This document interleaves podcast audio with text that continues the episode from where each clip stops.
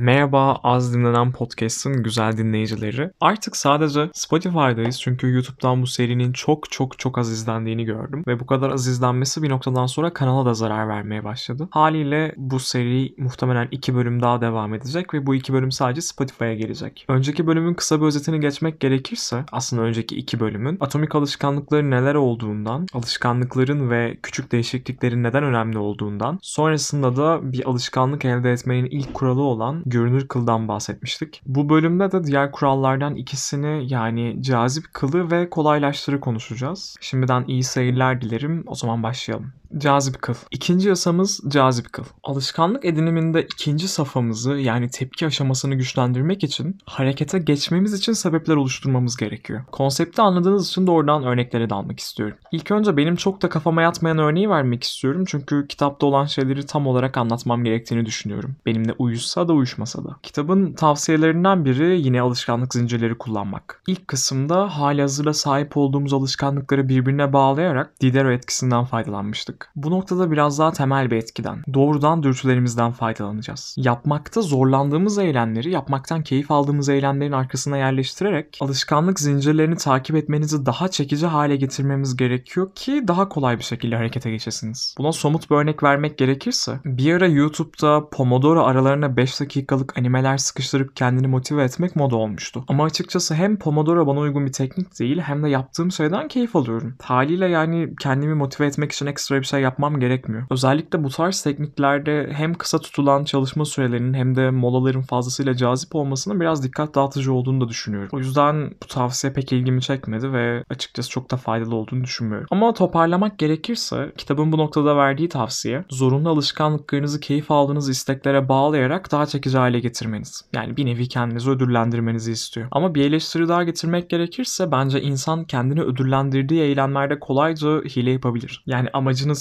çalışmak değil de ödüle ulaşmak olduğunda kendi çalışmanızı sabote edebilirsiniz. 25 dakikalık bir çalışma süresini tamamladıktan sonra sevdiğiniz bir şeyi izleyecek olmak o 25 dakikalık çalışma süresini verimli geçirmektense sadece geçirmeye odaklar sizi. Haliyle bence çalışma sevdiğiniz bir şeyi yapmak için yapmanız gereken bir zorunluluktansa ana hedef olmalı. Aksi halde kolayca hile yapabilirsiniz çünkü buradaki tek denetim sizsiniz. Yani bence bu birazcık kitabın tıraş tavsiyelerinden biriydi. İlk tekniği gömsem de kitap ilerleyen kısımlarda daha heyecan verici ve doğru bir noktaya değiniyor. İnsan uyum sağlamak için her şeyi yapar. Sosyal bir canlı türüyüz ve evrimsel avantajımız büyük oranda organize olma becerimize bağlı. Kalan kısmı da muhtemelen baş parmağımız. Haliyle bizim gibi topluluk halinde yaşamaktan başka avantajı olmayan canlılar için uyum korkunç bir gereklilik. Neyse ki bunca yıldan sonra uyum sağlamak artık bilinçli olarak değil, otopilotta yaptığımız bir şey. Her ne kadar çoğu toplumsal sorunda başı bu uyum sağlama ve kabul görme ihtiyacı çekse de bu noktada bu dürtümüzü bize fayda sağlayacak hale çevirebiliriz. Uyum konusunda ne kadar sınırları aştığımızı kitaptaki bir örnekle göstermek istiyorum. Lazda Polgar 1965 yılında insanlar dahi doğmaz, eğitim ve çalışmayla dahi olurlar. Hipotezini test etmek için Clara adında bir hanıma merhaba evlenelim mi? Demiş. Evlenelim, çocuk yapalım, çocukları özel olarak yetiştirelim ve harika birer satranç ustası olsunlar diye de eklemiş. Sonra da aynı kararlılıkla 3 çocuk sahibi olmuşlar. Hikayenin bütün heyecanını kaçıracak ama evet çocuklar hikayenin sonunda gerçekten de birer satranç dahisi oluyor. Ama burada bizi asıl ilgilendiren kısım çocukların iyi bir eğitimle dahi olup olmamasından çok bu eğitim sırasında kendilerini nasıl hissettikleri ve bu eğitimin nasıl olduğu. Öncelikle çocuklar diğer sıradan insanlardan etkilenmesin diye satranç üzerine evde eğitim alıyorlar. Sürekli satranç oynuyor. Satranç dehaları ustalarının hayat hikayelerini okuyor. Pratik yapıyor ve oyun kataloglarından satranç ustalarının maçlarını okuyorlardı. Hayatları tamamen satrancı adanmıştı. O kadar ki bu çalışmalar çok erken safhalarda meyvesini vermeye başladı. En büyük çocuk Susan 4 yaşını bitirmeden yetişkinleri yenebilir hale gelmişti. Ortancı çocuk Sofia 14 yaşında dünya şampiyonu ve bundan birkaç sene sonra da büyük usta oldu. Büyük usta dediğimiz kavram aslında Grandmaster olarak geçen bir satranç ünvanı. Satrançta maç kazandıkça elde edilen ve kaybettikçe kaybedilen belki yakın zamanda e-spor diye geçen oyunlardan da aşina olduğunuz ILO sistemiyle alakalı. Yani bu seviyeye ulaşmak için çok yüksek bir puan toplamaları gerekiyor ki araştırarak daha iyi sonuçlara ulaşabileceğinizi düşünüyorum. Kendimi pek bir satranç sever olarak tanımlayamam. Neyse devam edelim. En küçük kız Sofia 5 yaşında babasını yenebiliyordu ki adamın deli bir satranç öğretmeni olduğunu unutmayalım. 12 yaşında dünyanın en iyi 100 satranç oyuncusu arasına girdi. 15 yaşındaysa gelmiş geçmiş en genç büyük üstad olarak satranç tarihine adını yazdırdı. Dünyanın en iyi kadın satranç oyuncusu ünvanını 27 sene elinde tuttu. Çocukları kesinlikle alışılmışın dışındaydı ve dışarıdan baktığında hayatları gerçekten korkunç görünüyordu. Ama Polgar kardeşlerin ifadeleri bunun aksini gösteriyor. Satranç için zorlanmamışlardı. Teşvik edilmişlerdi. Aileleri satranç oynuyordu. Babası onları satranç üzerindeki başarılarıyla takdir ediyordu. Etrafları satrançla ilgili kitaplarla doluydu. Turnuvalara gidiyor ve orada satranç oynayan insanlarla arkadaşlık ediyorlardı. Yani satranç üzerinden ilgi ve sevgi elde edip satranç üzerinden arkadaşlık kurup satranç üzerinde bir şeyleri başarma hissini tadıyorlardı. Hiçbir şeye zorlanmıyorlardı. Sadece bir satranç üstadı olmak için muazzam bir çevrede doğmuşlardı ve uyum sağlıyorlardı. Böyle bir ortamda sadece kardeşlerine uyum sağlamak bile muazzam bir satranç başarısı getirecekti ki zaten getirdi de. Çünkü insanlar uyum sağlar. Uyum sağlamak ve kabul görmek için de özellikle şu üç grubu taklit ederler. Bir, yakın olan. iki çok olan. Üç, güçlü olan. Detaylara girmek istemiyorum ama yakın kısmına bakarsanız, mesela bir örnek verelim. Araştırmalar obez arkadaşı olan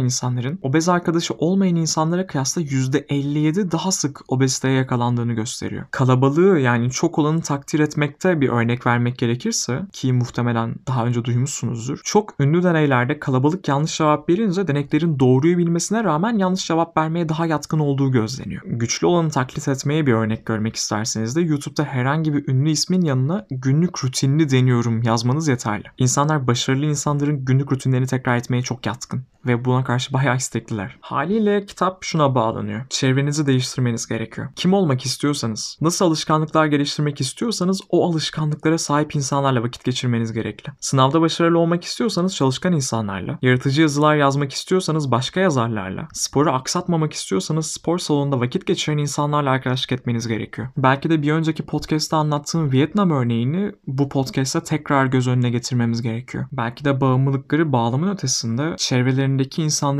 değişmesiyle alakalı da olabilirdi. Orada verdiğimiz örnek şuydu. Vietnam'a giden askerler Vietnam'dan döndükten sonra Vietnam'da edindikleri uyuşturucu bağımlılığını kaybediyorlardı. Ve biz bunu Vietnam'a yani bağlama bağlamıştık. Ama aslında farklı bir açıdan incelendiğinde aynı sonucu çevrelerinin yani arkadaşlarının değişmesine de bağlayabiliriz. Sonraki madde kolaylaştır. Üçüncü yasamız bu. Kolaylaştırmak. Kitap bu noktada bize bir alışkanlığı edinmedeki temel faktörün tekrar sayısı olduğunu hatırlatacak güzel bir grafik veriyor. Sonrasında da şunun altını çiziyor. Kolaylaştırın. Bir eylemi alışkanlık haline getirmek istiyorsanız tek seferde üstünüze çok yüklenmeyin. Bırakın alışkanlık haline gelene kadar kafanızdaki alışkanlığın daha temel ve kolay bir versiyonunu yapın. Daha sonrasında o alışkanlığın üstüne koyun. Örnek vermek gerekirse daha ilk günden günde 10 saat ders çalışacağım gibi bir alışkanlık oturtmaya çalışmaktansa ilk hafta sadece kütüphaneye gitmeye çalışın ve biraz vakit geçirin. İkinci hafta birer saat kalmaya çalışın. Daha sonrasında 3 saat, 6 saat, 10 saat yavaş yavaş arttırın. Tabii benim tavsiyem özellikle aceleniz varsa 1 saatle başlamaktansa yani 2-3 saatle başlamak sizin için daha faydalı olacaktır. Tabii ana mesaj şu. Edinmeye çalıştığınız alışkanlığı tek seferde edinmeye çalışmayın. Yavaş yavaş. Unutmayın ki alışkanlıklar oturana kadar düşündüğünüzden çok daha kolay aksayacak şeyler. Bir alışkanlığın tamamen sapıtması için sadece iki kere bırakmanızın yeterli olacağını unutmayın. Şu anki halinizle üstünden kalkamayacağınız bir alışkanlığı elde etmeye çalışıp başarısız olmaktansa daha az fayda sağlayacak bir alışkanlık edinin ama en azından günden güne gelişsin. Tekrar hatırlatmakta fayda var. Başarıyı anlık kahramanlıklardan çok sürekli ve artık zahmet olmaktan çıkmış alışkanlıklar getirir. Kendinizi tanıyın. Ona uygun hedefler belirleyin ve hedeflediğiniz alışkanlıkları makul safhalara bölüp adım adım gerçekleştirin. Burada araya girip kitapta bahsedilen güzel bir kavramı anlatmak istiyorum. Karar anları. Yazar karar anlarını şöyle bir örnekle tanımlıyor. Taksiye binip koşu yapmaya gidecek bir sporcu için karar anı koşuyu planlaması ya da koşuya başlaması değil, o arada bulunan taksiye binip spor yaptığı yere gittiği andır. Yani artık dönüşün çok zor olduğu ve bu noktadan sonra alışkanlığa devam etmenin onu yarıda bırakmaktan çok daha kolay olduğu durumlardan bahsediyor. Benim YKS maceramda bu evden çıkmaktı. Çünkü kapıdan çıktıktan sonra eve dönmek için zili çalmam, evdeki herkesi uyandırmam ve onlara ya ben fikrimi değiştirdim artık ders çalışmak istemiyorum o yüzden kalkıp bana kapıyı açtığınız için teşekkür ederim demem gerekirdi. Çünkü sabahın köründe çıkardım. Haliyle bununla uğraşmamak için kapıdan bir kere çıktıktan sonra artık geri dönmek benim için fazlasıyla zahmetli bir seçenek olurdu. Ve uyandığımda kendim şuna odaklardım. Ders çalışmak için yapmam gereken tek şey kapıdan çıkmak. Çünkü oradan sonrasının bir şekilde geleceğini bilirdim. Benim örneğimde bu karar anı kapıdan çıkmaktı. Sizin için bu belki üstünüzü giymektir. Belki çoraplarınızı giymektir. Belki yüzünüzü yıkamaktır. Belki de çantanızı takmaktır. Günlük rutininizi gözlemleyin ve ne yaptıktan sonra geri dönmediğinizi algılayın. Bunu Bunu algıladıktan sonra yapmanız gereken tek şey günlük rutininizi bu karar anına ulaşmak için programlamak olacaktır. Hedefiniz gün sonunu getirmek olmasın. Kendinize küçük hedefler koyun. Hedefiniz karar anını geçmek olsun. Ayrıca bu karar anlarını yaşarken de fark edin. Tam vazgeçmek üzereyken bu bir çizgi ve bunu geçtikten sonrası gelecek deyin kendinize. Sadece şu kapıdan çıksam gerisi gelecek. Şu otobüse binsem gerisi kolay. Ya üstümü değiştirsem hepsi olur.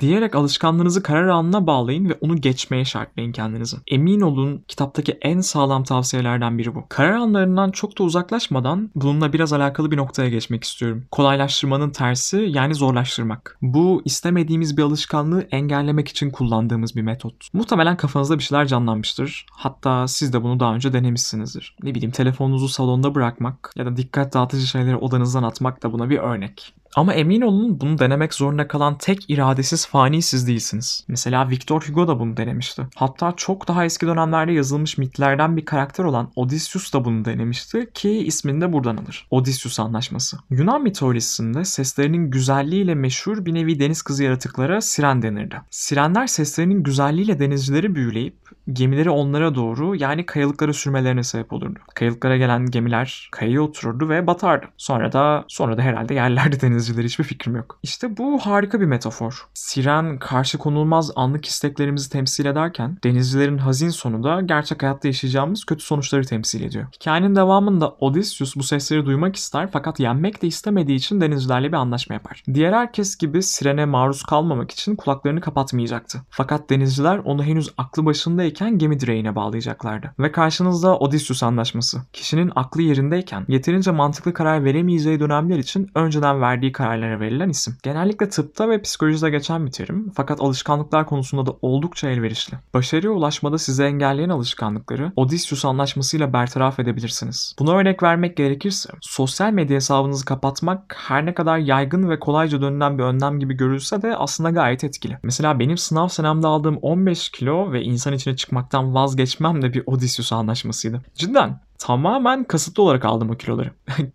Bedenimden rahatsız olayım da dışarı çıkmayayım ders çalışayım diye kesinlikle şekerin dayanılmaz cazibesiyle alakalı değildi. Motive olmanız için size Victor Hugo'nun yaptığı anlaşmayı anlatmak istiyorum. Victor Hugo kariyeri hala yükselişteyken bir yayın eviyle anlaşma yapıyor ve onlara belirli bir tarihe kadar bir kitap yazma sözü veriyor. Tabi sürenin büyük bir kısmını diğer işlerine ayırdığı için bu kitabı yazmak için bir türlü yeterli vakit ayıramıyor ve erteledikçe erteliyor. Ek süre istiyor, dur biz şu planlamayı tekrar yapalım diyor. Ama Victor Hugo'da olsa yayın evinin sabrı tükeniyor ve sonunda Victor Hugo'ya bir ultimatum veriyorlar. Yani ya şu süre içinde bitir ya da hiç bitirme diyorlar. Bunun sonucunda Hugo bir Odysseus anlaşması imzalıyor. Evdeki tüm kıyafetlerini toplayıp bir sandığa koyuyor. Sandığı da zincirleyip kilitliyor ve kilidin anahtarını da yardımcısına veriyor. Artık Victor Hugo dışarı çıkamadığı için kitabı yazmaktan başka çaresi kalmıyor. Çünkü bilirsiniz 1800'lü yıllar fiber altyapısıyla ve uydu yayınlarıyla ünlü yıllar değildi. Haliyle sadece 6 ay sonra kitap yazmaktan başka hiçbir çaresi kalmayan Victor Hugo Notre Dame'ın kamburunu yayınlıyor. Yani evet Hugo da bir dönemler mezuna kalmış ve telefonunu değiştirmiş ya da bilgisayarını sökmüştü diyebiliriz. Haliyle bunlar utanılacak ya da küçümsenecek yöntemler değil. Dikkatinizi dağıtan ve alışkanlıklarınıza zarar veren şeyleri dönüşü zor olacak şekilde hayatınızdan çıkartın.